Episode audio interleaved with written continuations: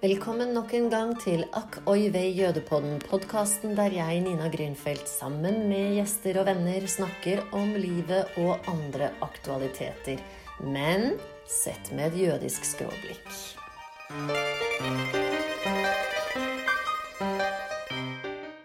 Hei, Nina. Hei. Velkommen til meg og jødepodden. Hei, Nina. Hei, Nina. Hei, Nina. Du, det her begynte jo med at jeg hørte deg på Drivkraft. Ja. Og syntes at det bare var helt hysterisk morsomt. Og så tenkte jeg at eh, du vet ikke om det selv, men du er jødisk. Det er veldig morsomt også. Jeg ble jo glad for å høre det, da. Ja, Hvorfor det?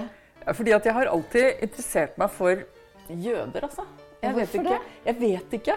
Men jeg tror det har noe å gjøre med at da jeg var liten, så hadde vi masse sånne krigsbøker i hylla. Og så var det annen verdenskrig. Og så var det pga. det, tror jeg. Men jeg, jeg vet ikke, altså. Jeg tror jeg leste om det sånn flyktning... Eh, altså Toya, har du hørt om henne? Flyktningepiken Toya eller noe sånt? Ja, det klinger et eller annet Ja, bak. Det var, det var en film fra jeg tror 1948 eller noe sånt, som handlet om en, en flyktning. Og så så jeg den, og så tror jeg det bare vokste. Og så, og så ballet det på seg, og så leste jeg masse jødiske forfattere. Ikke fordi de var jødiske, men fordi de hadde en sånn stil som appellerte til meg. Som kanskje du var Altså, jeg vet ikke hva som kom først, ikke sant? Ehm, og nå, altså nå i det siste, Det har egentlig ikke noe med dette å gjøre, men nå i det siste har jeg fått dilla på sånne hasidiske jøder på YouTube. Så da sitter jeg og ser på sånne sånn sabbat uh, Preparing of uh, sabbat og sånn. Altså, jeg er helt besatt. Men hvorfor det? Fordi jeg syns det er så utrolig interessant med sånne samfunn. Ja. Men spesielt med, med den gjengen her. Fordi eh, jeg så jo, jeg var i New York for noen år siden, og da så jeg i Williamsburg. Så fikk jeg helt dilla på å gå rundt der og, og kikke på dem. ikke sant? Med disse her svære kringlene rundt hodet. Ja. Og de ser jo så rare ut. Ja. Og de har og de, de sånne bitte små De er ganske små. Og så er de veldig unge når de har tre barn. Ja, ja. De Og begynner Også, kjempetidlig, Ja, de begynner tidlig. begynner i 19 og sånn. ikke sant? Ja, før det også ja, ja, ikke sant? Og, og, og mennene går ved siden av oss. Og de, begge ser ut som to små barn som leker familie. Og så har mennene sånne høye hatter og krøller. Streimel heter det. En Ja. strei, ja. Den, disse, det er sånne pelshatter. Ja, ja. Så nå sitter jeg og ser på dem da, med bryllups... eh, Hvor det masse, sitter masse sånne menn i sånne svære eh, arenaer Mm. med alle disse hattene. Så sitter de sånne bølger fra side til side. Og så er det bare menn. Mm. Fra liksom 0 til 150 år gamle. ikke sant? Ja, ja. Og så har, kommer det, og dette skjønner jeg ennå ikke hvorfor, og det skal, må jeg selvfølgelig bare google. Det kommer altså, plutselig en lang Og så er det et bryllup. Men det er ingen spor av noen kvinner. De er på hver sitt side Ja, jeg vet det. av festlokalet. Ja. Og så kommer det plutselig så står det en brud midt uti der, og alle mennene danser rundt henne. Ja. Men hun står helt stille. Ja. For hun skal ikke danse da, tydeligvis.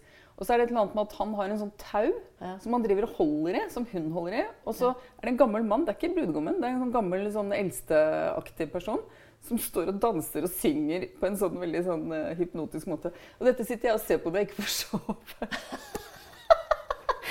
Det er jo helt absurd.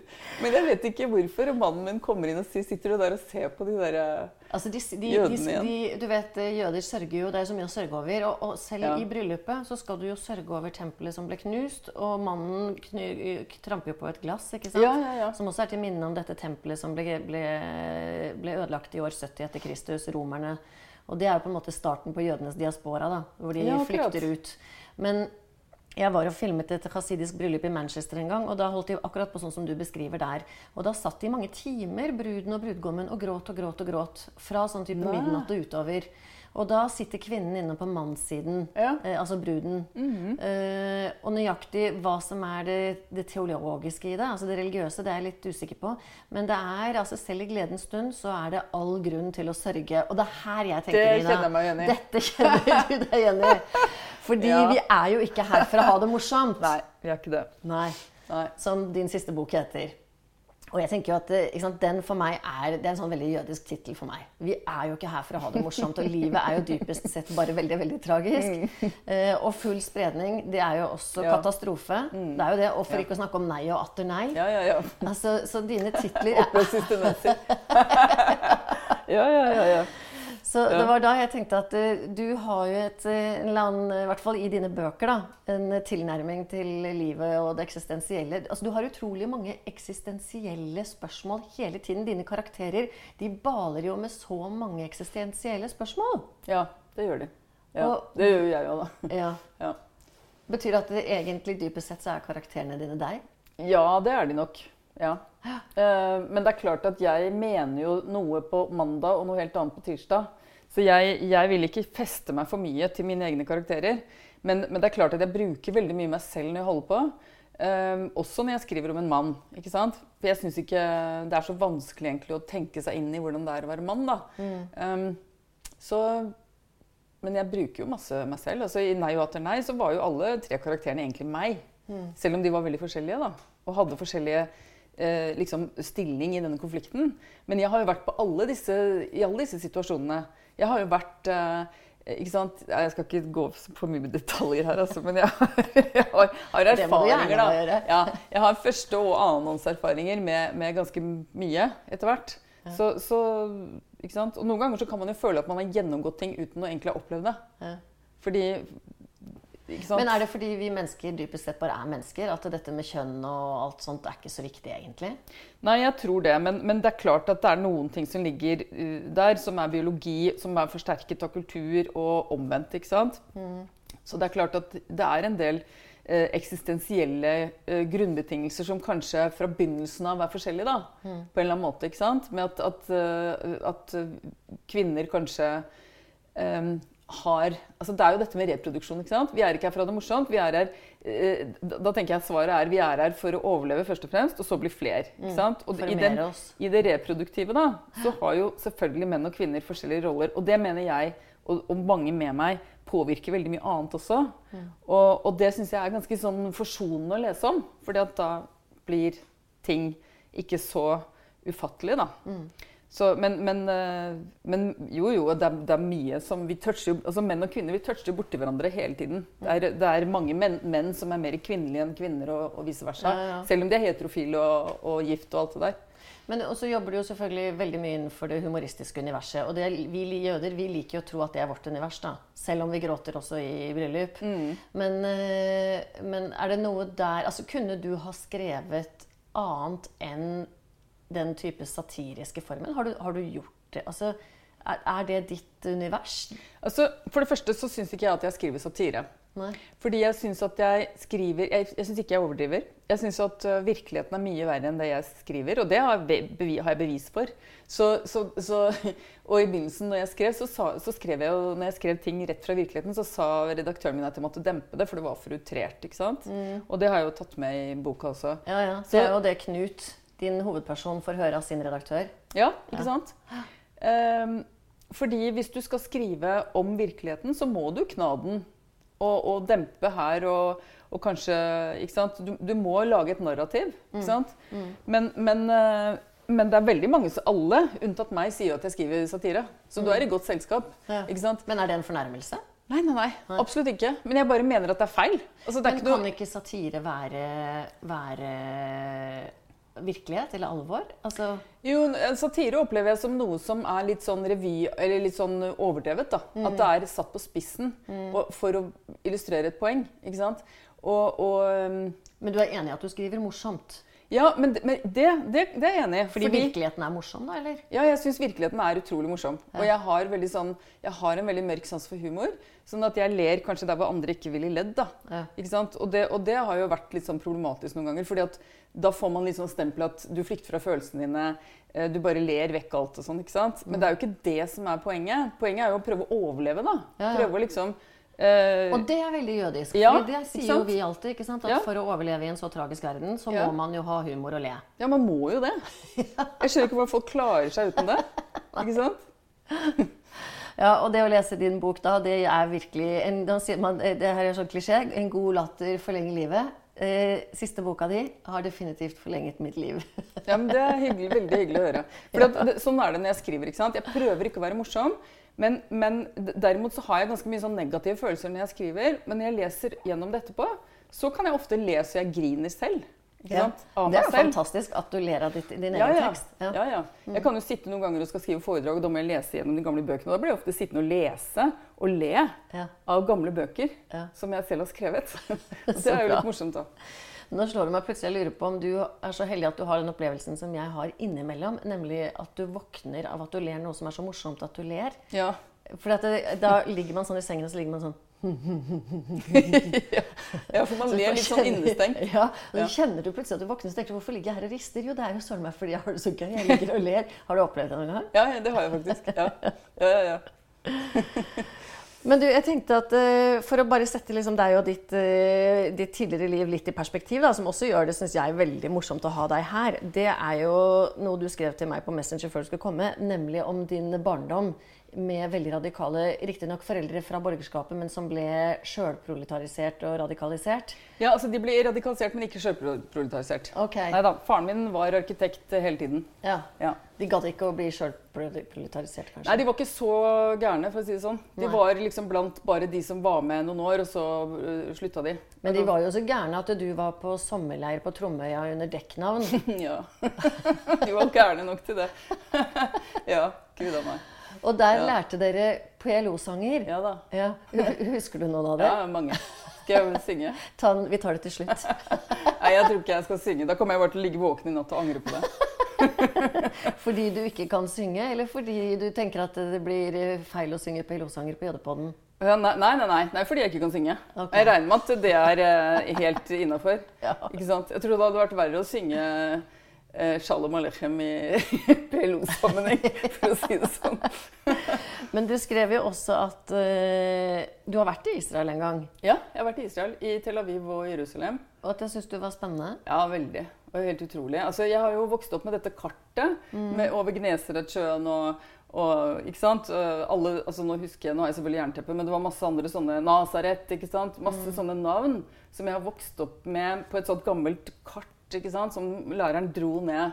Og så var det liksom Jesus og tempelet og farisere og samaritan, den gode samaritan. Alt? Alt dette her har jeg vokst opp med. Jeg har vokst opp med, med, med kristendomsundervisning. ikke Ja.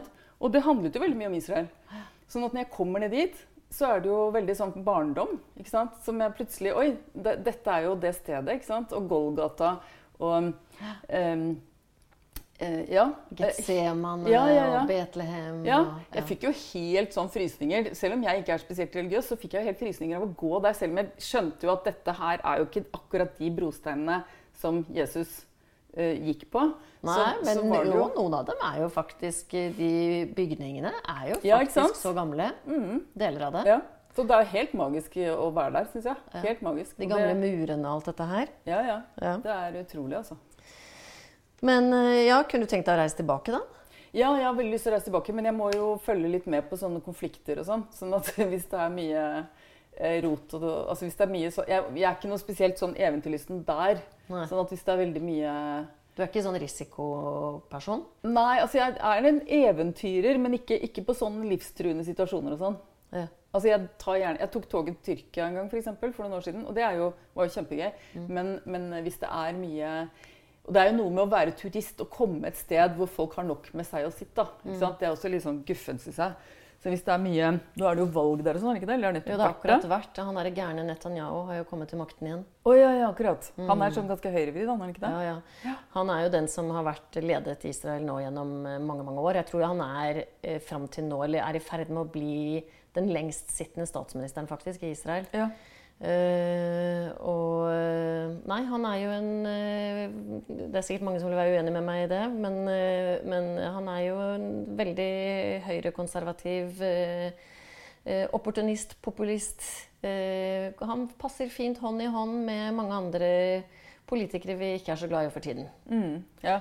Sånn Trump og Ja, altså han, ja da, passer, jeg tror nok de passer ganske bra sammen. Han er jo også tiltalt for korrupsjon, Mm. eh, så det er også veldig spesielt at de nå setter inn igjen en politiker som ligger under og som har vært i, Det har vært masse rettssaker. Han er litt sånn Berlusconi. Det er Ja, korrupsjon, Ja, og det er ja, ja. seksuell trakassering. Og, og så inngår jo han i allianser med disse eh, ultraortodokse Ja. eh, Så Israel er jo et interessant land, fordi til tross for all konflikter og alt mulig, og, så, og dette er det selvfølgelig også store diskusjoner om, så mener jeg at du kan ikke si annet enn at det tross alt er et demokrati der. Og så er det selvfølgelig en del palestinere eller palestinsk befolkning som vil oppleve noe annet, og det er for seg med rette, vil jeg også mene.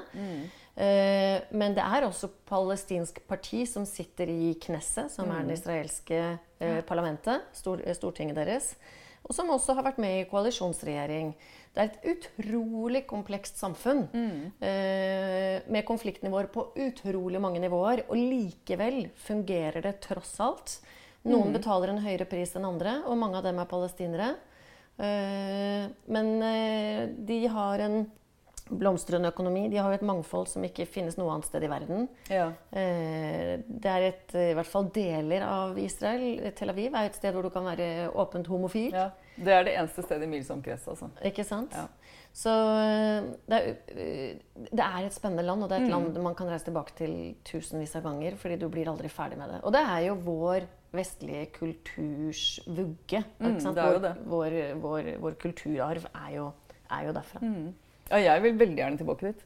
Jeg synes det var så utrolig det er, det er som du sier, det er veldig sånn Det fungerer, da. Og de har jo de har funnet opp eh, en masse ting også. Det er jo masse ting som kommer fra Israel. ikke sant? De Det er jo et veldig sånn blomstrende sted, da. Ja, store på teknikk og altså teknologi og ikke sant, store på våpen, selvfølgelig. Våpenindustri og, eh, og våpenteknologi. Sikkerhetsteknologi. Mye sånne ting. Men du, eh, i ditt univers, da Jeg har litt lyst til å snakke om boken din. fordi jeg er på en måte så fylt av den, og jeg syns den er så utrolig morsom. Eh, jeg, med, jeg var ute med to venninner i går så på teater. Vi er sånn teaterjentegjeng. da. Og da sa de at de skulle spare den som sånn eh, snadder til romjulen. Det er jo veldig hyggelig å høre. da. Det jeg tenker om deg, da, som jeg syns er utrolig gøy, sett fra et mer sånn dramaturgisk filmperspektiv, som bl.a. er min bakgrunn, det er at eh, du er helt rå på å forsvare karakterene dine. ikke sant? Altså, du lager jo Jeg pleier som dokumentarist å si at eh, virkeligheten er mye større enn fiksjonen, og derfor så er virkeligheten spennende. Det er det jeg sier. Ja, det er jo det du sier. Og du, eh, dette er jo en bok som handler om en mann som er blitt utsatt for et, eh, et eh, hva skal man kalle et overgrep i en annen forfatters virkelighetsroman. Eh, Så det er en ganske sånn, Du går jo hardt verks, du går hardt ut mot virkelighetslitteraturen. Så mitt første spørsmål er men er egentlig din bok virkelighetslitteratur også? Ja, på mange måter er den jo det. Men det kommer an på hvordan du definerer det. Er jo ikke en selvbiografisk bok, dette her. Nei, Og du Så- oppgir ikke andre menneskers autentiske navn. Nei, og, det, og det, jeg skriver heller ikke om uh, altså det, det jeg skriver om, har skjedd, men ikke nødvendigvis der og da i den sammenhengen. ikke sant? Men jeg skriver jo ikke om marsbordet, jeg skriver jo om her og nå. Jeg skriver ikke om fortiden, ikke om fremtiden. Det er her og nå jeg skriver om. ikke sant? Eh, med alt det vi opplever nå. Og, og det er noe, noe har, Det meste har jeg opplevd selv. Eh, en del ting er annenhåndsberetninger, men eh, veldig mye har jeg opplevd selv. Men jeg kan ikke si hvordan og hvorfor, og sånn, for da utleverer jeg folk. ikke sant? Og det er jeg ikke interessert i å gjøre, for det er ikke det som er poenget med denne boka. her. Men er det noen som vil lese den og tenke 'shit, dette er meg'? Skal vi si Jeg håper da det. Og så kunne de skammet seg litt. Nei da. altså, det er jo Jeg har jo vært på foredrag som angivelig skulle handle om noe, Ja. og så handler det om noe helt annet. Ja. Fordi det er mange arrogante mennesker der ute som har, er veldig godt vant, som har navn, store navn, som gjør at de kan gjøre hva de vil. Tillate seg bare å si I at, kulturlivet. eh, Ja. Ja, og da, og da sitter man der da, og ergrer seg, ikke sant? og så ser man seg rundt, og så sitter alle sånn og smiler sånn høflig, og liksom, fordi at alle Ingen vil på en måte, Alle vil være på parti med vedkommende som står på talerstolen. Mm. For det er en, en eller annen person med makt som ikke erkjenner at vedkommende har makt. Skjønner du? Mm. Ja, ja. Den, den ko koketteringen der blir jeg veldig provosert av. Altså Når du ikke leverer, når du skriver på programmet at det skal handle om A, og så, handler, så lager du en, noe om K eller M, ikke sant? og så skal alle bare godta det. For at hvis du sier fra, sånn som hun der stakkars dama som hadde tatt toget helt fra Oslo denne dagen ens ærend, da blir du dritt ut, for da er du ikke tolerant. Ja. Men det, og det tenkte jeg akkurat på, for det er mitt oppfølgingsspørsmål. Fordi dette er jo da en scene i boken ganske langt ute under litteraturfestivalen i Lillehammer, hvor det kommer altså en litt sånn hotshot eh, forfatterstjerne og bare bestemmer seg for å snakke om noe helt annet enn det som er annonsert. Og så er det da ett menneske, som du sier, som reiser seg opp. Er det mennesket Kunne det vært deg? Hadde du våget å gjøre det? Eh, ikke på det tidspunktet jeg opplevde dette her, for å si det sånn. Eh, nå hadde jeg heller ikke gjort det, men det er en helt annen grunn til det. For nå ville jeg ikke ja, Kanskje jeg hadde gjort det nå, altså. Nå, nå kom jeg plutselig på faen, jeg kanskje hadde gjort det. For at nå begynner jeg å bli sånn gal gammel dame ikke sant? som sier at folk må ta ned beina fra setetrikken og sånn. Jeg tar liksom ikke fem øre for å hisse meg opp i offentligheten nå. Nei. Og det er jo litt skremmende. For da plutselig så har du blitt den gærne dama. ikke sant? Men jeg tenkte på det fordi at det er et sted i boken husker jeg ikke nøyaktig hva det er, men som handler om at han Knut, da, som hovedpersonen heter, han blir så forbanna fordi folk ikke tør å si ifra til andre folks unger når de oppfører seg dårlig. Ja, ja. Og så hadde jeg en hendelse her utenfor huset mitt i gata, hvor det kommer to gutter som helt klart går på ungdomsskolen nede på Marienlyst, og så har de med seg en sånn eh, eh, ståsykkel. Hva, heter det? Sparkesykkel. Elsparkesykkel. Elsparkesykkel. Og så bare hører jeg Jeg står og driver og raker i hagen, og så hører jeg at han skriker 'fitte, fitte, jævla fitte'. Så tenkte jeg herregud, hva er dette her for noe? Går ut, og så kaster han fra seg denne sykkelen midt i veien, der hvor det er sykkelbane. Okay. Og jeg ble altså så komplett rasende. Og så sier jeg 'den skal vel ikke ligge der'? Og så, sier, ja, den, ja, og så sier han ja, men den er ikke noe mer batteri. Og så sier jeg men da får du vel plukke den opp da, og sette den et sted som ikke er i veien for andre mennesker. Og så tar han den opp, men da setter han den rett utenfor min port. Ja. Hvorpå jeg blir enda mer rasende. Du vet, Jeg kjenner at jeg holder på å miste helt uh, forstanden. Og så sier jeg men der skal den vel heller ikke stå! Sånn skal det være. Og så begynner han å argumentere med meg. Og du vet, Da ble jeg så rasende, så jeg bare står og skriker Du skal ikke argumentere med meg! Ja, det er veldig bra. Og så gikk han. Og, og da tror jeg faktisk han Jeg tror han tok det til seg. Da tenkte jeg Jeg tror ikke det er så mange som har sagt det fra til han. En gang så var jeg på treningsstudio for noen år siden, og så sitter disse gutta som er to meter høye og, og to år gamle i hodet. Og så, de, er, de er kanskje 18 eller 15 eller sånn, ikke sant? Jeg aner jo ikke, jeg skjønner jo ikke hvor gamle folk er lenger, men de er i hvert fall voksne nok til å gå på do selv og sånn, ikke sant? Og, og til å være på et treningsstudio alene. Og så sitter de og okkuperer treningsapparatene med, med, mens de sitter og, og, og scroller på mobilen, ikke sant? Og så sier jeg, kan jeg få gå øh, Eller jeg, si- jeg irettesetter dem på en eller annen vennlig måte, da. Og da, da skvetter de, liksom. Det er liksom helt sånn Ja, altså Fordi at før i tiden så var det sånn at du kunne kjefte på andres unger. Og da, da var foreldrene takknemlige for at du hjalp til med oppdragelsen. Mm. sant? Og så fikk ungene kjeft etterpå fordi de hadde oppført seg dårlig i offentligheten. Mm. Men nå er det jo ikke sånn. Fordi at nå er det jo sånn at foreldrene er på ungenes side uansett hva de sier. ikke sant? Ja, ja. Og hvis rektor skal ha de inne til en samtale, så kommer jo foreldre med advokat. Hender jo på, i Oslo vest i hvert fall. Ja, ja, ja. Ja. Nei, ja, vi må, både du og jeg vi er omtrent akkurat like gamle. Vi får påta oss jobben å være hun litt strenge nabokjerringa som sørger for at uh, verden går videre på, på rett hjul. Rett kjøl, holdt jeg på å si. Ja, vi må gjøre det, altså. Noen må jo gjøre det. Altså Det som er gøy da med Knut også, det er jo veldig personlig, men det er jo fordi at Knut, alle menn på min mors side heter Knut.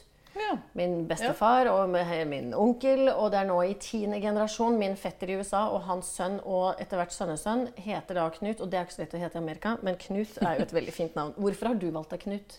Altså, jeg er øh, veldig øh, opptatt av at navnene skal være så nøytrale som mulig.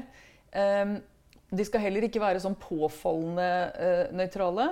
Men, men jeg må gå inn på SSB, altså Statens øh, statistisk, hva heter det, statistisk sentralbyrå, Ja. Og finne navn som var, lå liksom tre-fire på lista på det, i det året jeg tenker at hovedpersonen er født. da, ikke sant? Ja. Men så tenkte jeg ok, Knut Hamsun, og han het jo Knut Pedersen, så da ble det Knut Pettersen. Men Knut A. Pettersen, for å understreke dette her med lange navn, Ja. som han og jeg irriterer oss over. Fordi Ja. at jeg er jo grafisk designer og har jobbet i en avis som desker. Og da er det sånn at når folk heter 14 navn etter hverandre, så blir alt mye lenger enn det trenger å være. ikke sant?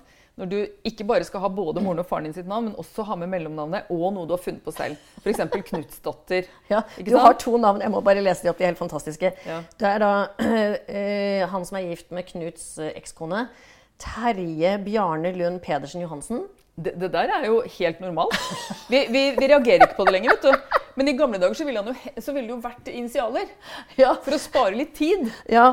Og, og så har du da også Kirsten Margrethe Solveigsdatter Brettevill Pålsgaard med to a-er. Yes, Ja. men det der er jo også, det, det har jeg googla for å passe på at ingen faktisk heter det. Ja. Men, men, eh, men, eh, men det der er også helt normalt. Du, du reagerer jo ikke på det når du ser Men hadde, dette, hadde, noen, hadde en fortidsmenneske, f.eks. en person som levde for 70 år siden, som var like gammel som oss for 70 år siden, kommet hit i framtiden og sett hvordan vi holder på nå, hvordan vi breier oss Ja, på så mange måter, ja.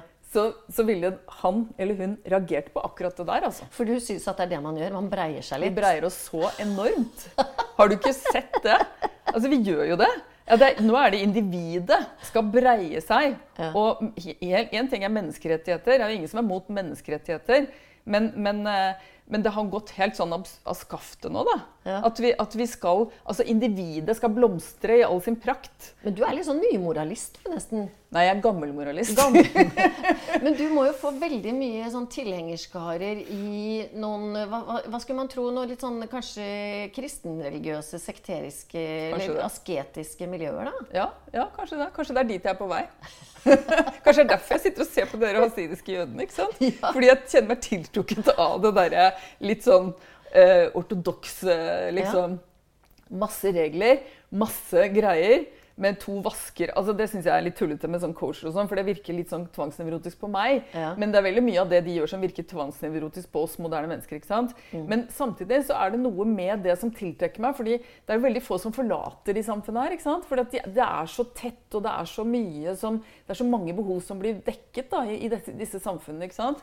Og de, de lever jo visstnok lenge også, tror jeg. Eller det vet jeg ikke. Jo, det, ja, det vet jeg ikke rent sånn statistisk, men du vet, jeg tenker faktisk at du passer Eller ditt, eh, din virkelighetsforståelse eh, Jeg skjønner veldig godt at du blir fascinert av det, fordi at det hasidiske livet handler jo stort sett om bare å følge 500 og noen og 50 regler eller hva det er, hver eneste dag.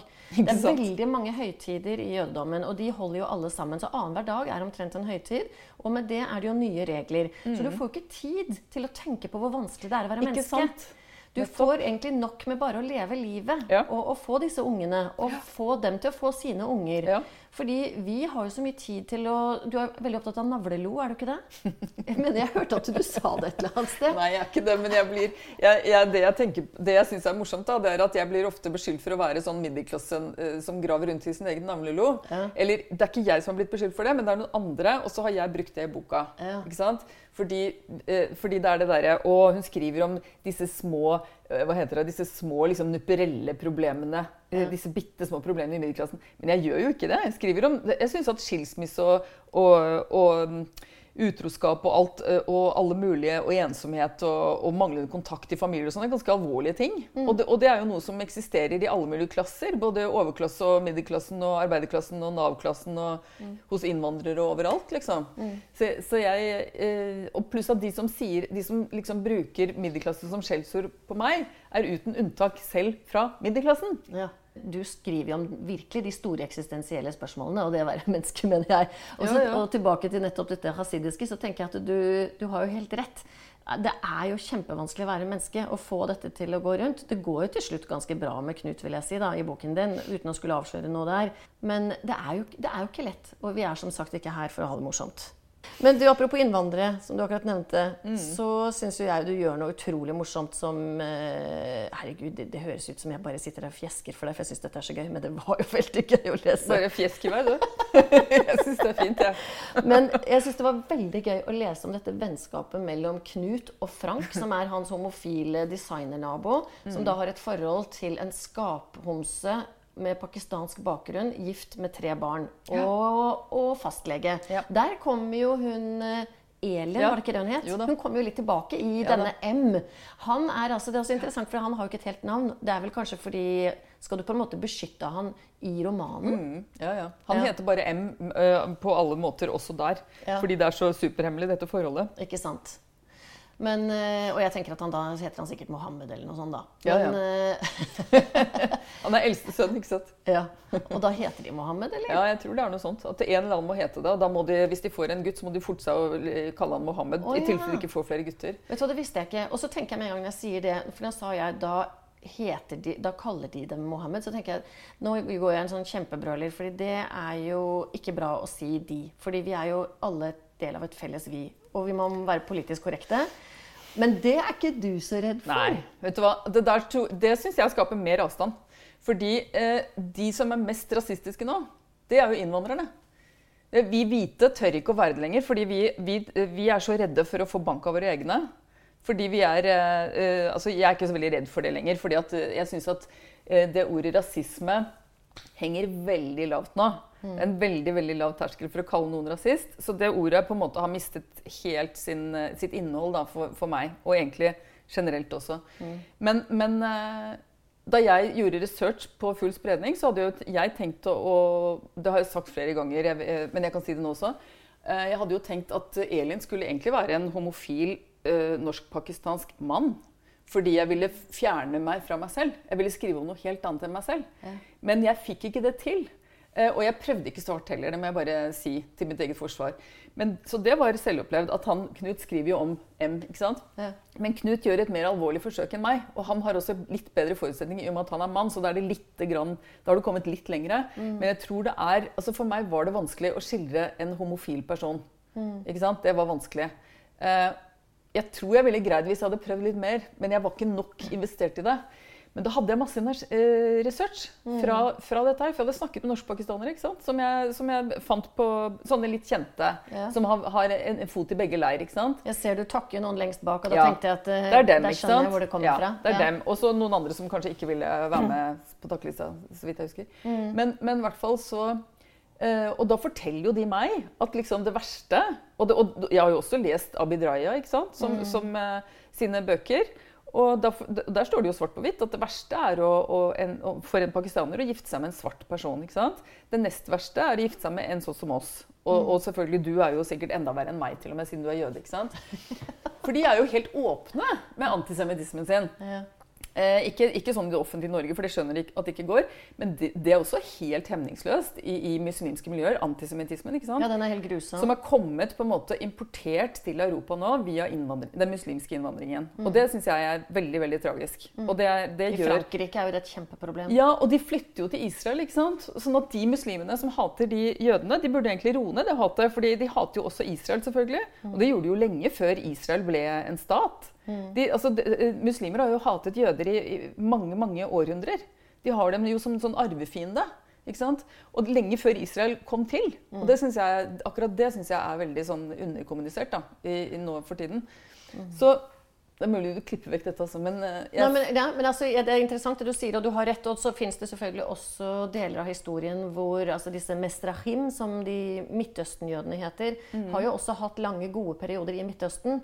Men hvis du tar en by som Bagdad i Irak i dag, så finnes det jo ikke en jøde igjen. Fordi Nei. alle sammen ble kastet ut på 50-tallet. Ja, og i Iran er det heller ikke noe særlig mange jøder igjen. De Nei. er jo helt uh, renska ut. Ja, ja, og jeg tror vel i Kabul i Afghanistan finnes det én som det er vel skrevet om artikkel til og med i Aftenposten. sånn at det er klart at etter opprettelsen av staten Israel, så blir jo jødene De må forsvinne fra både Nord-Afrika og hele Midtøsten-området. Da var det en fyr som tok på seg kippa, som er sånn altså jødekalott, Mm. og gikk rundt i Malmøs gater og ble spyttet etter Eller vent da, jeg tror det er på Nørrebro i København. Men det er liksom Malmø, Nørrebro. På Nørrebro bor det også veldig mange muslimske innvandrere. ikke sant? Mm.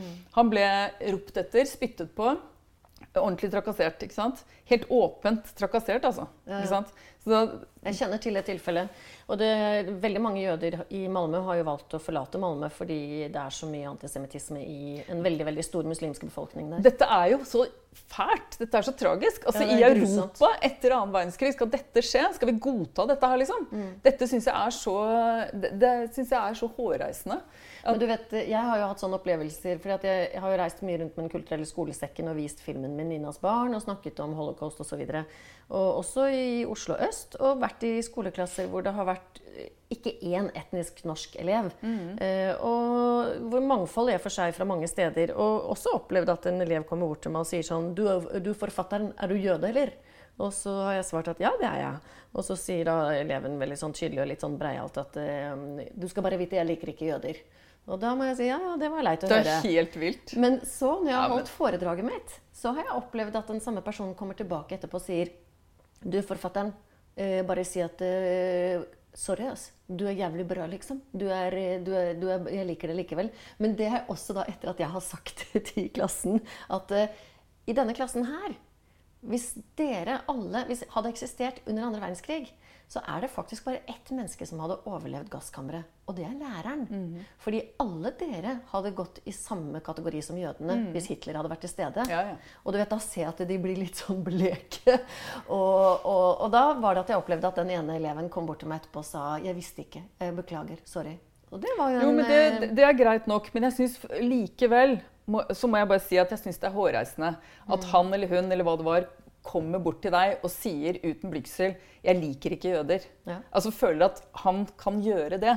Ja, han har lært det hjemme. Ja, men ikke sant? Det er jo det som er så fælt. Skal, du, skal, du kan jo ikke gå rundt i alle eh, Europas skoleklasser med denne filmen og, og få dem på en måte omvendt da, til å skjønne hva det handler om. ikke sant? Så jeg syns det er ganske ille at han kommer og føler seg i sin rett til deg, en voksen person. Så kan han si til deg uten, uten redsel for, eh, uten redsel for represalier kan han si at han ikke liker din sort. Altså, det, det er helt hårreisende. Mm. Ja, ja. Hvis, det med forestill deg, Nå må jeg bare Forestill deg omvendt. Jeg pleier å forestille meg omvendt situasjoner. ikke sant? Ja. Forestill deg at du har en, en, en sønn som er eh, hvit eller noe sånt, eller altså norsk, etnisk norsk, da, ikke sant? som går bort og sier til en svart person 'Jeg liker ikke negere'. Mm. Jeg liker, ikke, jeg liker ikke svartinger. Jeg liker ikke afrikanere. Jeg liker ikke kinesere. Ikke sant? Det er nok noen som gjør det òg, da. Nei, vet du? Det, det, vet du hva? Det tror jeg faktisk ikke det er nå. I, i dag, i, i Norge i, i dag Altså, eh, hvis du, hvis du er Kanskje hvis du ja, Hvis du er i et sånt uh, veldig lukket samfunn, så kanskje de gjør det. For da vet de at de er blant sine egne, og de får ikke noen represalier og sånne ting. Men jeg syns at det der er et eksempel på akkurat det jeg syns er eh, Altså, vi burde egentlig reagere mye mer på. Fordi at hvorfor skal, hvorfor skal det være sånn at at det skal kunne gå an. ikke sant? Hvorfor er det sånn at han ikke føler noe redsel i forbindelse med dette her? Men at han går bort til deg og sier dette, som er ganske hårreisende å gjøre. Ja, men jeg, jeg, selvfølgelig er jeg enig med deg i det. Og jeg tenker at det er jo derfor vi holder på. da. Vi driver med sånn evig, eh, evig arbeid med å forebygge osv. Uh, men jeg tror nok at eh, sant? Vi har jo en del eh, saker som til og med kommer så langt som opp i rettsvesenet fordi folk driver med hatprat osv. Og, så og det er jo, jeg opplever at det er et problem. Og vi har jo nynazistiske bevegelser som jo gir klart uttrykk for hva de mener. Så ja, det er, det er, men dette er et stort og ja, Kanskje du kan skrive en humoristisk roman om dette? Ja, men jeg, jeg vet ikke om jeg greier å skrive humoristisk om dette, for jeg blir så sinna. ikke sant? Så jeg blir jeg så ser rasende. du blir veldig ja, Ja, jeg blir så jeg er jo glad for at du, du, ditt engasjement i det. Men i alle fall så har du skrevet en fantastisk morsom relasjon. Eh, For det er veldig sjelden jeg har lest om en hetero-hvit mann som har et nært forhold til sin homofile nabo. Det er jo litt sånn at De har ikke så mange andre, de har hverandre. Så Mm. de finner vel hverandre litt i mangel av noe annet, kanskje. I hvert fall Knut. Ja. Men jeg, jeg synes sånne vennskap synes jeg er så fine. da, Sånne veldig hverdagslige vennskap hvor det ikke er noe pretensjoner. Hvor de bare går rett inn hos hverandre, og så sier kanskje den ene Jeg hadde flere scener som jeg strøk. da, hvor Nei, gå, gå vekk, jeg har ikke tid, jeg orker ikke, jeg orker ikke å snakke med deg nå. Det er noe sånn veldig sånn fint over det, da, fordi eh, jeg har, jeg har eh, Jeg bodde sammen med broren min i 14 år. I, eh, og hans familie i liksom en tomannsbolig. Nå nå bor vi også der, fortsatt der, men noen andre bor i første etasjen. Og da gikk jo vi ut og inn hos hverandre. Og det var liksom den der veldig hverdagslige ikke sant, eh, nedpå-greia. Jeg har jo hatt hjemmekontor siden 1994, så jeg, ikke, jeg opplever ikke så mye sånn eh, kollegaforhold. ikke sant? Hvis jeg har vært ute noe sted, så har det vært veldig sånn korte eh, liksom, deltidsjobber og sånn. Mm. Altså, jeg jeg syns bare det var så fint å ha et sånt vennskap, da, hvor man liksom var litt sånn eh, nedpå. Ja. Akkurat som søsken, på en måte. Ja, og det har jo de. Og så er det bare veldig veldig gøy med dette hemmelige forholdet til denne pakistaneren, som jo da også dukker opp i Lillehammer. Ja, ja. Jeg måtte bruke researchen vet du, fra full spredning. ja, ikke sant? Men jeg syns det var så mye interessant. Men er det sånn at du også er litt opptatt av underdogs? Altså fordi Det jeg sa innledningsvis, var jo dette med at du forsvarer karakteren din. ikke sant? Og skuespillere, spesielt sånn method acting og sånn, de jobber jo hele tiden veldig bevisst ut ifra at selv om personen du skal gestalte, som du skal spille, er en voldtektsforbryter eller morder eller rasist, eller hva det måtte være, så har du alltid en forklaring. da. Ikke sant? Det, er alltid, det fins en grunn. Du slår jo kona di fordi kona di ikke er snill mot deg, eller fordi hun er utro, eller et eller annet sånt noe. Ja, ja. Eh, og jeg opplever at du i veldig stor grad du forsvarer jo Knut og karakterene dine hele veien gjennom. Ja, jeg, jeg, ja, jeg, jeg gjør kanskje Gjør ikke det. Jo, altså, jeg tenker egentlig ikke at jeg skal gjøre det, men, men det, det blir jo kanskje Jeg identifiserer meg jo veldig med dem, ikke sant? Så da, kanskje da blir det automatisk sånn, da. Alle opplever seg jo på en måte som sånn kanskje helter eller, eller ofre i eget liv eller sånn. ikke sant? At, mm. at eh, hvis bare ikke sånn, så ville ikke det og det skjedd. Og... Men eh, også tenker jeg også at du er god på å skape motstand og hindring for karakterene, da, som jo skaper mye dramatikk. Altså for eksempel så nevner du jo når, når Knut kommer til Lillehammer, så er ikke rommet ledig. Og så skjer det ytterligere noe ting, og så ender det jo til slutt med at han til og med gir fra seg dette her i rommet. Da. Men du gir han jo veldig mye motstand hele veien. Eh, og det, det er også sånn dramaturgisk eh, fiffig konstruert, tenker jeg. Ja, for altså, vi må jo ha det. Vi må, det må være motstand.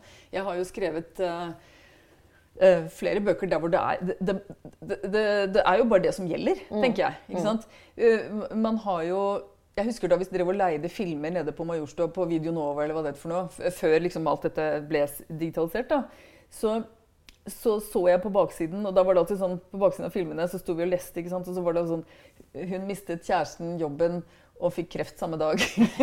da leide jeg alltid den filmen. Fordi Ja vel, liksom. Hvor, hvor, hvem er du nå? Ikke sant? Hvem er du nå?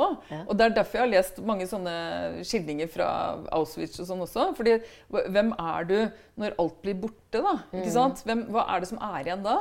Og, det, og det er jo um, Det er ikke sikkert det kan fortelle deg så mye øh, om hverdagslivet her og nå. Ikke sant? Hvem Ja, men det sier jo ekstremt mye er, om karakteren. Hvordan møter Ja, ja. karakteren motstand og hindring? Og din karakter er jo Og da blir man jo veldig glad i han da, når han faktisk er villig til å ofre seg for dette homofile paret og sover på kirkegården. Ja. Eh, og Han får jo- betalt, da.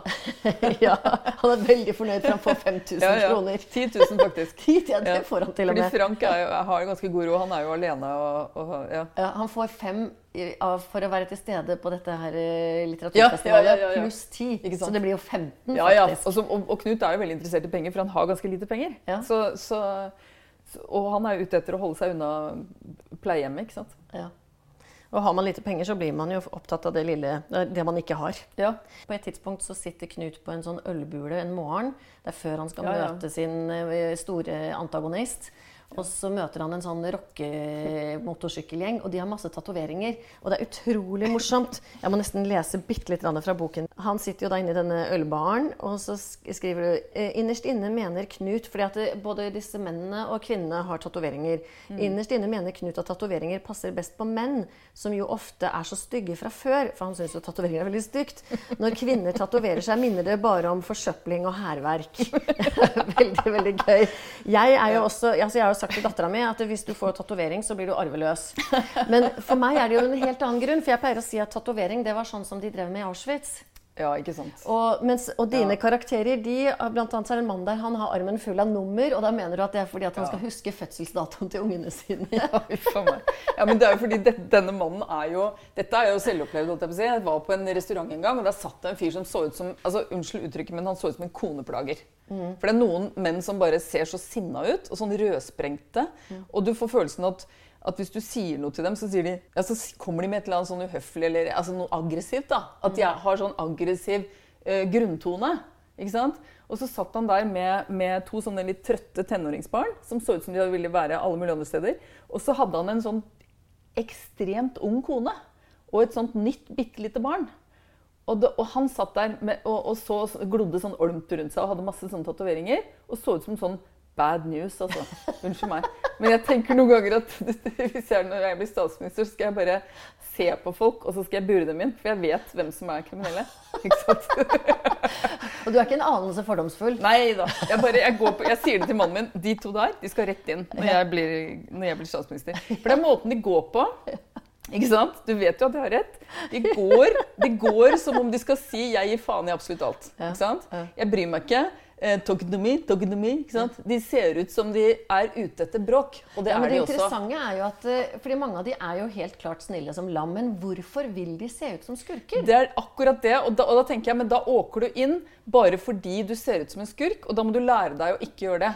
Ja. Ikke sant? Ikke gå med buksa på knærne og, og svære gullkjeder og, og lue bak fram, eller hva det er de driver med. hvorfor syns de det er så tøft når de Ja, fordi de er fra snille? forstaden og er middelklasse, så vil de være kule og tøffe. og, og sånn. Akkurat som i kulturlivet så driver også folk og skjeller ut middelklassen og alle de som oppfører seg og betaler skatt og sånn, fordi de vil være gærne og helt på eh, kanten og sånn. Ja. Mens, de, mens de som liksom dyrker dette her, de bor ofte i, i store hus og har, er gift med samme person og har barn med den personen, og alt er helt i orden. Mm. Men de drømmer om å være gærne og, og helt eh, sprø. Men det er ikke bare det at, de, at det, er, det er deres gjeng, og det er den gjengen de har, og de tør ikke å bryte med gjengen.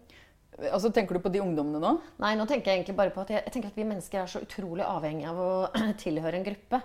Og at hvis du først har havna da, i en sånn Ja, gruppe ja, ja. som ser sånn ut, så tør man kanskje ikke noe annet enn å bare fortsette med å se Jo, men- ut som en gangster. Men da er vel noen i den gruppen gangstere, da? Eller er det tenker du at dette For at, fordi jeg, jeg, ser, ikke sant? jeg ser for meg at det er, det er en mote å se ut som gangster.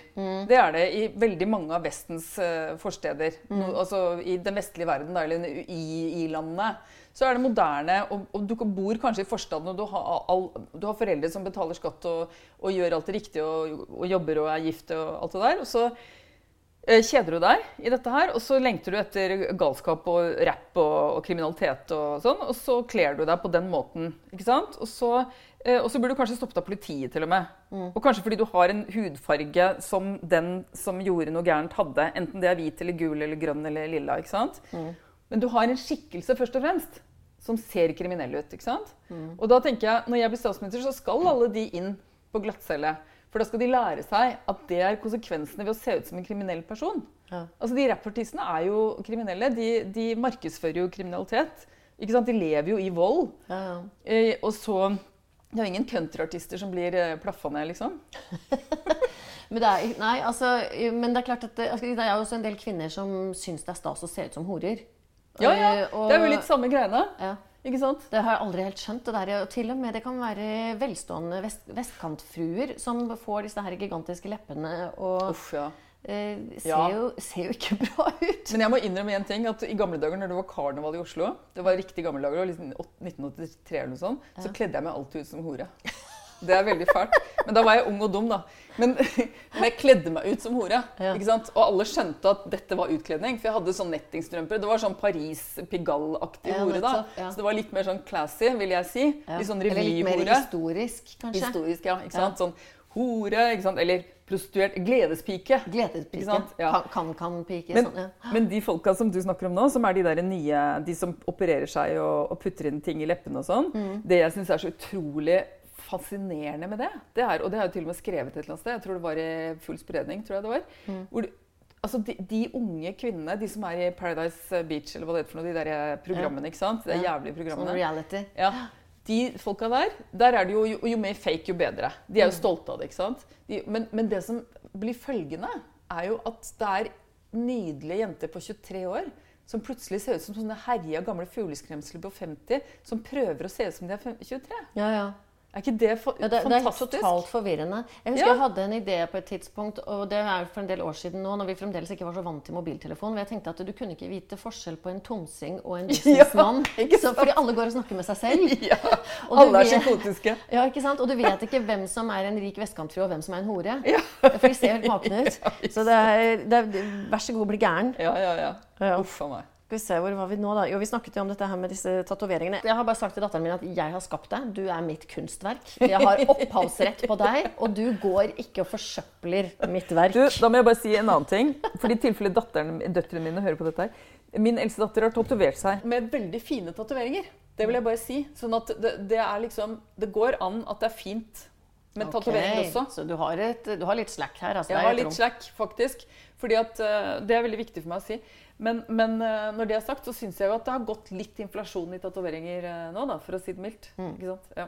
Og jeg kjenner mennesker som jeg er veldig veldig glad i, som har tatoveringer. Men jeg er glad i dem ikke pga. tatoveringene, da. Nei, på tross av tatoveringene. Ja. Ja. Men du, apropos horer. Kort fortalt så har jo Knut da blitt utsatt for denne forfatterinnen som skriver virkelighetsromaner, som på et tidspunkt på en fest satte seg på fanget hans og nærmest jokka på beina hans.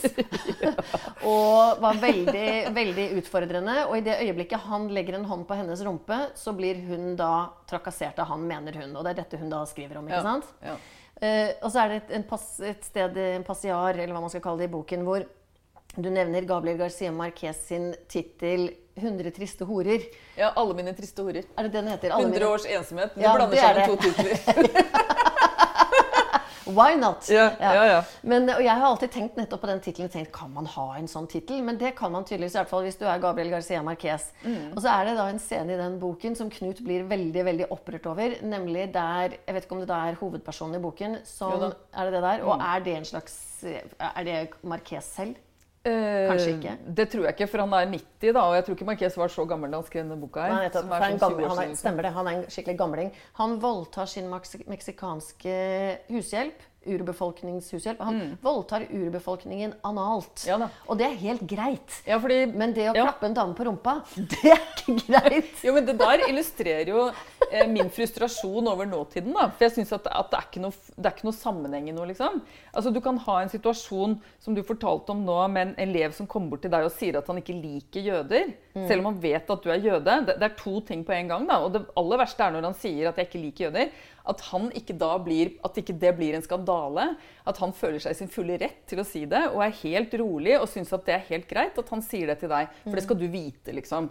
Ikke sant? Det, det eksisterer samtidig med at en eller annen i en, i en eller annen kø på et utested har sagt N-ordet. Ikke sant? Eller neger, da. Det kan, det, jeg syns man kan si det når man skal referere til det. ikke sant? Jeg ville aldri brukt det i, i tale for å beskrive noen, men det er liksom eh, noen som har sagt det en gang, og så mister de jobben. ikke sant? Ting eksisterer samtidig nå som er så groteske misforhold. Ikke sant? Og jeg, jeg tenker sånn at hvis eh, ikke sant? Jeg syns at Gabriel Garcia Marquez kan skrive det der. Jeg er veldig for ytringsfrihet. eh, Ganske sånn, ganske sånn total ytringsfrihet. ikke sant? Eh, Men ikke løgner sånn og holocaustfornektelse og sånn. Det synes jeg ikke er, har ikke noe med ytringsfrihet å gjøre. ikke sant?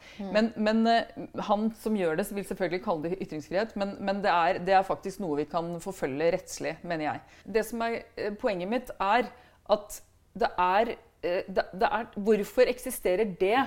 Når ikke det er lov. skjønner du? Sånn syns jeg det er veldig mye av i samfunnet nå. Betyr det at du ønsker deg en verden med mer orden, da? Egentlig, altså på, på en måte gjør jeg det, men på en annen måte ikke. Fordi at jeg er jo ikke interessert i å, å sensurere Gabriel Garcia Marquez. Men jeg syns bare det er veldig veldig underlig når en sånn bok Og den, det ble for, for øvrig heller ikke framstilt som en voldtekt, men det er det jo helt klart at det var det. Hun sto og bøyde seg framover, sånn, eh, og så tok han bare og løfta opp skjørtet og, og kjørte den inn. liksom, I rumpa på henne. ikke sant? Altså, Det er så grotesk at du kan ikke Og så, og så, og så er det noe undertekst som, som, som liksom antyder at hun får orgasme. da, ikke sant? Og hun får, blir Hun også forelska igjen. Ja, ja, ja. Hun blir også forelska igjen. ikke sant? Men det er un undertekst er også at dette er helt umulig, fordi hun er jo fra urbefolkningen og sånn. da. Ja, og så er det jo noe med at det, det, altså det komiske elementet i det i tillegg, eh, sånn som jeg fortolker det, i hvert fall, det er jo at da denne radikale kultureliten i Norge leser jo dette og syns at det er kjempefestlig, fordi det er jo Marquez som kommer fra dette ville latinske Ja, og da får du plutselig lov til alt mulig. Ja. Akkurat som han lille eleven som fikk lov til å si at han ikke likte jøder. Mm. Ikke sant? Det er litt det samme. Altså, hvorfor, får- hvorfor får han lov? Og det, det er jo ikke bare det at de syns det er festlig, de syns det, det, det, er- det sødme og det er romantikk. Og det er liksom ikke måte på. ikke sant? Og, det, og han, og han eh, gamlingen, han 90-åringen, han holder jo Dette er jo for så vidt før han ble 90, da, at han holdt på med hun, hun eh, urbefolkningshushjelpen. Men, men han gir seg jo ikke med det. Han skal jo ha en jomfru til sin 90-årsdag, som han riktignok ender opp med å ikke ligge med, men som, som er en 14-åring som, en, som er foreldreløs og har eneansvar for masse yngre søsken og jobber på en fabrikk. Og hun blir bedøvet av horemadammen for at hun skal ligge og sove når han kommer, så hun ikke skal gjøre motstand. Men dette Altså, er jo det- det er jo så- skrevet en tid som var lenge før vi var redde for å bli i krenket. Det var en fra 97, ikke sant? Og, det, og det er jo helt riktig. ikke sant? At, Men jeg vil jo ikke sensurere disse bøkene. Nei. Absolutt ikke. Jeg vil at alt skal fram. Ja. Jeg vil at Pippi skal, Pippis far skal være negerkonge og alt mulig. Ja. Jeg vil ikke at vi skal, jeg syns det er helt motbydelig at vi driver og sensurerer disse tingene her. Men, men da eh, ikke sant? Hvorfor ikke? Hvor, hvorfor har vi det når vi ikke kan ha det? Ikke sant? Jeg vil at jeg vil at jeg vil kunne kle meg ut som hvilken rase jeg vil. Ikke sant? Når menn kan kle seg ut som kvinner De kan velge å kle seg ut som en kvinne på mandag, men ikke på onsdag og sånn. Da vil jeg kle meg ut som en eh, afrikaner. Ikke sant?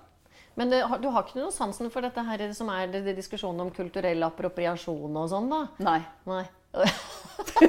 Det var jeg absolutt ikke. Nei, for å, bare, for å er- avslutte med å si noe om dette, fordi det jeg tenker da, I forhold til uh, kulturradikaler og sånn, så tenker jeg at uh, hvis jeg hadde fortalt da, denne historien om gutten jeg holdt foredrag for, og som sa eh, 'jeg liker ikke jøder', til, i en annen sammenheng, som jo i og for seg er også er det miljøet jeg selv på mange måter tilhører, så ville de sett på meg litt sånn, så ville de tenkt høyt, men kanskje ikke våget å si det, så ville de tenkt at Menina, du må jo forstå at dette er jo fordi Israel er som de er. Det er bare og det, tull. Og det, det er klart at det, det, er jo kanskje en mulig forklaring, men den reelle årsaken er jo at han har lært det hjemme, og at det er en antisemittisk kultur. Og dette, som- dette er folk som kommer fra India og Pakistan. Ja. Så ligger i den helt andre retningen av eh, Israel. Altså de, de ligger langt unna. Og det har han lært av sine foreldre, som har lært av sine foreldre igjen lenge før Israel ble opprettet. Jeg tenker hele tiden at jeg ikke skal si eh, det og det og det, og at jeg skal liksom roe ned og, og, og sånn, men jeg bare greier ikke å la være. For jeg syns det er så mye som er så hårreisende nå, da. Men det har jeg skjønt, og det er det som er så gøy når jeg hørte det også i Drivkraft. Du er jo du er så engasjert. Det er jo det som gjør at jeg mener at du egentlig er jødisk, da. og så hadde du en eller annen venn, skrev du til meg, som mente at eh, nordmenn var mye mer jødiske i sin eh, Ja. Hva var det han sa da? The Lost eh, Tribe of Israel. Ja, ikke sant? Ja. Fordi Det, det er en eller annen tolvte stamme eller en eller annen stamme som de, som de mistet, eller noe sånt, og det, var, det er nordmennene, da. Ja, og det hadde noe å gjøre med likt lynne i skyldfølelse og svartsyn og Ja, sånn. ja, ja. ja, Da er med på det. Så Norge er egentlig lille Israel. Ja, Ja. vi sier det. Men eh, ja, Så du føler ikke at du er politisk ukorrekt? Eller det er du vel kanskje? Men det er kanskje helt greit? Det lever du med? Jeg lever helt fint med det, for jeg, jeg er for gammel til å liksom ikke si det jeg mener nå, altså. Og det er det Mm. Men for gammel? Du er, du er født ett år før meg. Ja, er Føler du at du begynner å bli gammel? Nei, ja, jeg gjør jo det, men, men det er ikke noe galt med det, liksom. Det bare er et faktum. Altså, jeg blir jo eldre. Og, og jeg tenker sånn, hvis ikke nå, når da? Og det er også sånn jødisk If not now, then when. Ja. Det er et sånt gammelt jødisk ordspråk, er det ikke det? Eller- Jo, ja, det, jeg vet ikke hvor jødisk det er. Det kan godt hende det er det. Det, jeg hørte det, skjønner du, for Først så visste jeg om det ordspråket, og så var det noen som sa ja, det er jo et gammelt jødisk ordspråk. ikke sant? Hvis ikke nå, når da? Og det tenker jeg. ikke sant? Altså, da får jeg bare være, så får bare folk kalle meg ting, da. De, de gjør det jo allerede. De kaller meg satiriker og, og middelklasse og masse sånne ting. Så de får bare fortsette å kalle meg ting. Men jeg, jeg tenker sånn, det er så mye nå Det er så veldig, veldig lav terskel på diverse ting at jeg er ikke noe redd lenger for å bli kalt det ene eller det andre. Men du har jo andre. aldri, så vidt jeg har fått med meg, havnet i sånne svære feider i media hvor du må inn og forsvare deg og be om unnskyldning. Og har, har, du blitt, har, du blitt har du krenket noen, liksom? Nei, jeg tror, det sto, I Aftenposten så står det 'Nina Lykke krenker i vei' på overskriften på anmeldelsen. Men jeg tenker, at, ja, jeg, jeg tenker at jeg er forfatter. Kanskje de ikke tar meg alvorlig. Kanskje jeg bare er sånn liten klovn. Som Dag Solstad sier jo så mye rart. og Det er jo ingen som tar han alvorlig heller. Han sier jo at han vil gjerne leve i sosialismen, men hvis Norge blir sosialistisk, vil han bli ambassadør til Danmark. Så han vil ikke være i Norge når det er sosialistisk. Han vil bare at alle skal være sosialister i Norge, og så skal han være et annet sted hvor han kan fortsatt spise hummer til middag og sånn. Ja. Altså, jeg, jeg klarer ikke helt å forklare hvorfor, men jeg, har i den, altså, jeg liker veldig godt bøkene hans. det er jo ikke det, Men jeg syns du står mye mer solid i det universet enn det han gjør. Jeg syns du har mer troverdighet som en som kan krenke. Og Ja, akkurat. Ja, ja, ja. Ja, det er jo antagelig fordi at han er jo eh, veldig erklært kommunist-sosialist på venstresiden. Ja. Han er med liksom Øst-Tyskland, ikke Vest-Tyskland. Og det er jo det korrekte på en måte i Norge i dag også. Nei. Jo, men også i kulturlivet, da. ja. Ikke sant? Jo, kanskje. I kulturlivet så er det så er det jo, ikke sant, Da kan du skrive på Facebook 'Jeg stemmer Rødt'. Mm. Jeg, jeg, jeg er jævla sosialist. For det var noen som sa 'jævla sosialist', og så begynte alle på Facebook å kalle seg for jævla sosialist. ikke sant? Det var i hvert fall i mitt univers. da. Mm. Jeg vet ikke, Kanskje jeg har en spesiell eh, gjeng med venner på Facebook, men jeg tror jeg har ganske mye forskjellige venner. ikke sant? Mm. Men, men hvis du skriver, hvis du skriver jeg, eh, 'jeg stemmer Rødt' på Facebook, så er det kred. Mm. Hvis du skriver 'jeg stemmer Frp', Ja. ja, kan du bare forestille deg. Jeg stemmer ikke verken Rødt eller Frp, bare så det er sagt. Du er jo også helt utrolig herlig politisk ukorrekt med disse to jentene med hijab, da, som også dukker opp på Lillehammer. sant? det er jo hentet fra virkeligheten, det. ja, men det er jo ganske modig å skrive det i den tiden vi er nå. Eneste jeg gjør, er å skrive det jeg ser. Jeg, sk jeg skriver det jeg ser. Det er to, altså de, de sitter ikke på scenen i Lillehammer, men de ble intervjuet med to dagers mellomrom i hvert sitt blad eller avis, og begge to sa 'jeg går med hijab for å provosere nordmenn'. Ikke sant? Og, og begge to er løft, blir løftet opp i, i, eh, i, til stillinger som de, som de aldri ville fått hvis de var etniske nordmenn. ikke sant? De, blir, de, de er synlige minoriteter, og, og det gir enorm uttelling ikke sant? På, på dette, i, i dette universet. Og det er det, liksom, det er det heller ingen som på en måte på omtaler, fordi at det er jo Jeg vet ikke hva det er, men det er i hvert fall ingen som gjør det.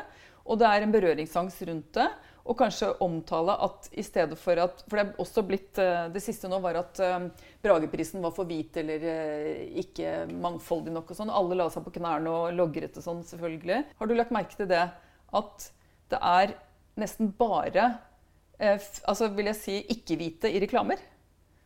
Mm. På Obos, på alle, alt jeg ser rundt meg. Ja, Det er et mangfold der òg. Men det er klart, ikke sant, enhver bedrift i dag og vi for eksempel, altså NRK har jo en Alle store bedrifter har jo et, eh, en en målsetting om at det skal være så så stor andel både av kvinner og av eh, funksjonsnedsatte ansatte og minoritetsbakgrunn. Ja, ja, og jeg er jo helt for dette her. Jeg har to barn som er kvart indiske, som ser halvt indiske ut. Jeg er mm. helt for representasjon. ikke sant? Det har alltid vært. Veldig.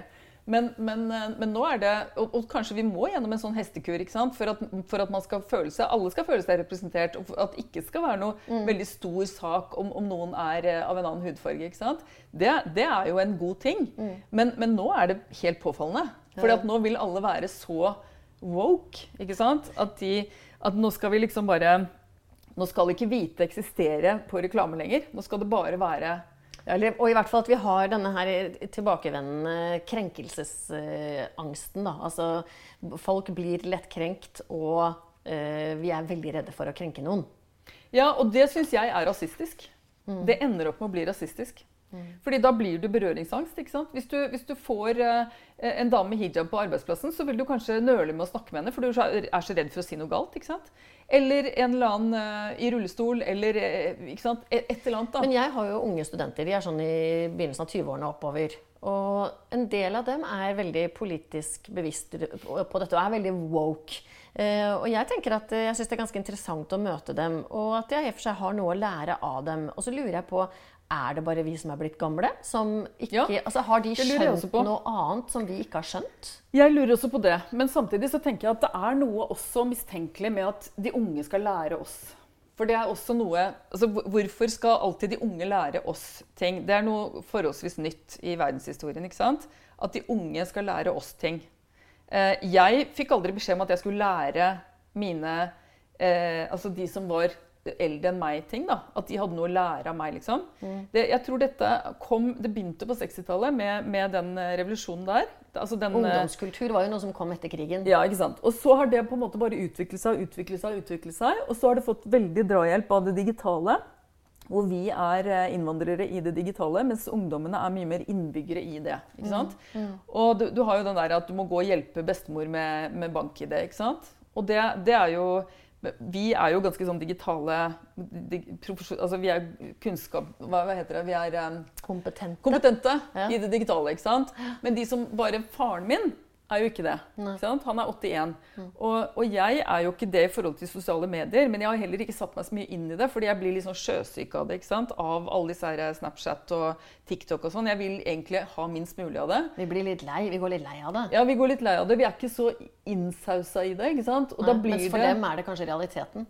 Ja. Men hva har det med dette woke å gjøre? Jo, fordi at, fordi at, jo, men da blir det sånn automatisk at jeg tror det har forsterket det ungdomsrevolusjonsgreiene. At pluss at nå skal, er de på en måte De markerer avstand til oss ved, ved å ha, eh, ved å ha f.eks. Eh, veldig flytende kjønnsidentiteter og sånne ting som vi har vanskeligheter med å forstå. Mm. Og jeg tenker at Det kan godt hende at vi er i ferd med å, eller at vi bare er gamle. ikke sant? Og det er derfor jeg, jeg tenker at ja, men da er vi det. ikke mm. sant? Skal vi, skal vi da Jeg syns det også er et slags svik. Men Nina, det er jo interessant, tenker jeg også For et år siden, hvis jeg da satt på trikken og møtte en pen, ung, høy mann som var veldig maskulin, men med perlekjede og, og, sånne øredobber som henger. Ikke ring i øret, sånn som gutta hadde på 80-tallet da vi var unge.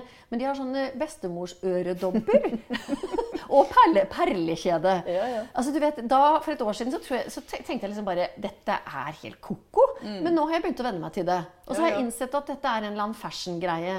Så det er eh, Ja, det perlekjedet så, så jeg faktisk på Lillehammer nå sist. Ja. At det var en fyr som satt med perlekjede. En som var mann på alle mulige måter, men hadde perlekjede. Ja, det er inn. Men, men jeg syns ikke, jeg, jeg, jeg syns ikke det er altså, Jeg blir ikke noe opprørt av det. Det, det er sånn. bare et eksempel på at ting pantarei, alt flyter. Ja, ja, ja, og vi, vi henger absolutt. ikke helt med, da. Nei, men ikke sant, Det kan godt hende at det er sånn, men, men jeg tenker også at, at noen må jo dra litt i bremsen også. Fordi at, eh, jo, men jeg tenker Hvis en tolvåring hvis en 12-åring, eller eh, sier at, at vedkommende eh, er en, et annet kjønn, ikke sant? hvorfor skal vi ta det for god fisk når vi ikke tar andre ting den tolvåringen sier for god fisk? Da, da kommer det politisk korrekte inn. ikke sant? Mm. Da kommer det politiske korrekte rett inn i familien. Hvor plutselig så skal denne tolvåringen være alles sjef, og skal den tolvåringen skal bestemme noe veldig veldig eh, avgjørende om seg selv. Mm. ikke sant? Og det, da syns jeg på en måte det er et svik å bare la det passere. Mm. Mens hvis den tolvåringen vil begynne å røyke, eller ikke, ikke, ikke at det er en sammenlignbart, men at den tolvåringen vil f.eks. Altså, har du egentlig den evnen til å avgjøre så Altså Hvis en tolvåring vil ha en tatovering, da, mm. sant? I, I ditt tilfelle, det vil du også reagere da med å gjøre han arveløs. ikke sant? Men, men, ville du godkje- go, men så ville du godtatt at han ville bli jente, da? Jeg er så enig, så enig. Kanskje du må klippe litt i dette her? Kanskje jeg må klippe litt. Nå skal vi liste oss ut av denne podden. Tusen, tusen takk, Nina. Jo, det var kjempegøy. Kommer det snart en ny bok, eller? Nei, det blir det en stund til. Altså. Det blir tre år til. Åh, tar det så lang tid? Ja, for det tar tre år, tre år for hver bok. Ja. Det må liksom Det må renne nytt vann inn i brønnen. For Hvor det er en mange, sånn hvor mange der. solgte du av eh, full spredning? Eh, nå er det oppe i 97 000. Å, fy faen. Ja. Og hvor mye har du solgt av denne nå så langt? da? Det vet jeg ikke. Vet du ikke? Nei, for det har, den kom ut eh, 14. oktober. Så det er Ja, jo men det har sikkert gått et opplag eller to allerede, minst. Tror du ikke? Det har jeg ikke hørt noe, men jeg kan ringe, på, ringe og spørre. Jeg er litt sånn redd for å spørre òg, for jeg vil liksom, hvis det ikke har gått så bra, så vil jeg ikke vite det. Okay. Men jeg tror, jeg tror det, jeg har følelse av at det har gått ganske bra. altså. Men jeg vet ikke. Jeg tror det går veldig bra. Men det betyr at du kan faktisk leve av dette her, da. Ja, nå, nå har jeg jo levd av å skrive siden 2017. Ja. Det er helt utrolig. Jeg trodde aldri jeg skulle greie. Kjempegøy. Du skal ikke være med å skrive TV-serie, da? Du, jeg har faktisk tenkt på det. Eh, jeg har tenkt på det, å skrive TV-serie. Eh, men, men Du er jo eh, god på dialog. Du er ja, vet du, det er jeg faktisk. Og det Ja. kan jeg si at det er jeg fordi jeg har så mange stemmer i hodet. så jeg bare begynner å snakke med, la dem snakke med hverandre. Og da skal jeg ikke si det jeg sa en gang, at du er litt schizofren. For da ble, fikk jeg en dame på nakken som ble litt sinna på meg fordi det var krenkende. Åh, don't Nei, nå må vi Men hun og jeg ble, vi ble veldig gode venner, hun og jeg. Altså, for jeg, ba, jeg la meg langflat og ba om unnskyldning. Jeg, tror ikke, jeg vet ikke om jeg orker å be om unnskyldning hvis noen blir sinna. For de bare bli det, da. hvorfor- Bli det, da. Ja, men- bli sinna, da. Ja, men bli krenka. det er interessant, Nina, for de blir jo sinna på sånne som meg. Kanskje det er fordi jeg er jøde, da. Men hvorfor blir de ikke sinna på deg? Du er jo mye, mye verre enn meg. Jeg er mye, mye verre enn deg. Det er fordi at jeg er håpløs. Mens du er fremdeles Folk har fremdeles håp til deg. Mens jeg er beyond, liksom. Jeg er ikke beyond redning. Det er ingen som Jeg sitter også og kjefter og, og, og, og galer og skriker, og derfor så tør kanskje ikke folk å For de tror at jeg slår dem ned eller noe sånt. Ja. Nettopp. Og det kommer jeg alltid til å gjøre også. Ja, men Det er veldig god Det er forklaring. neste stasjon at jeg begynner å slå folk. ikke sant? Så for meg er det fremdeles håp. Jeg liksom, de de Ja, ja. tenker at hun har jo fremdeles tiltro til. Ja, du er fremdeles en av de de på en måte stoler på eller vil velge i et politisk valg eller et eller annet sånt. Ja, Det skal vi snart få gjort noe med. Ja. Kan du ikke bare ta et lite vers da, av en sånn PLO-sang? Det er derfor vi må ha en Palestina-komité som kan avlive mytene og gi oss rett beskjed. For det var selvfølgelig på nordlending de sang, da. Takk for at du lytter til AKIV Jødepodden. Om du liker denne podkasten, kan du trykke 'abonner' i din foretrukne spiller. Da vil du motta beskjed om når neste episode blir publisert. Dersom du har spørsmål til AKV Jødepodden eller vil bidra med innspill og ideer, send gjerne en mail til post at jodepodden.no. AKOIV Jødepodden er støttet av stiftelsen Fritt Ord. Musikken du hører, er komponert og arrangert av Jens Wendelboe.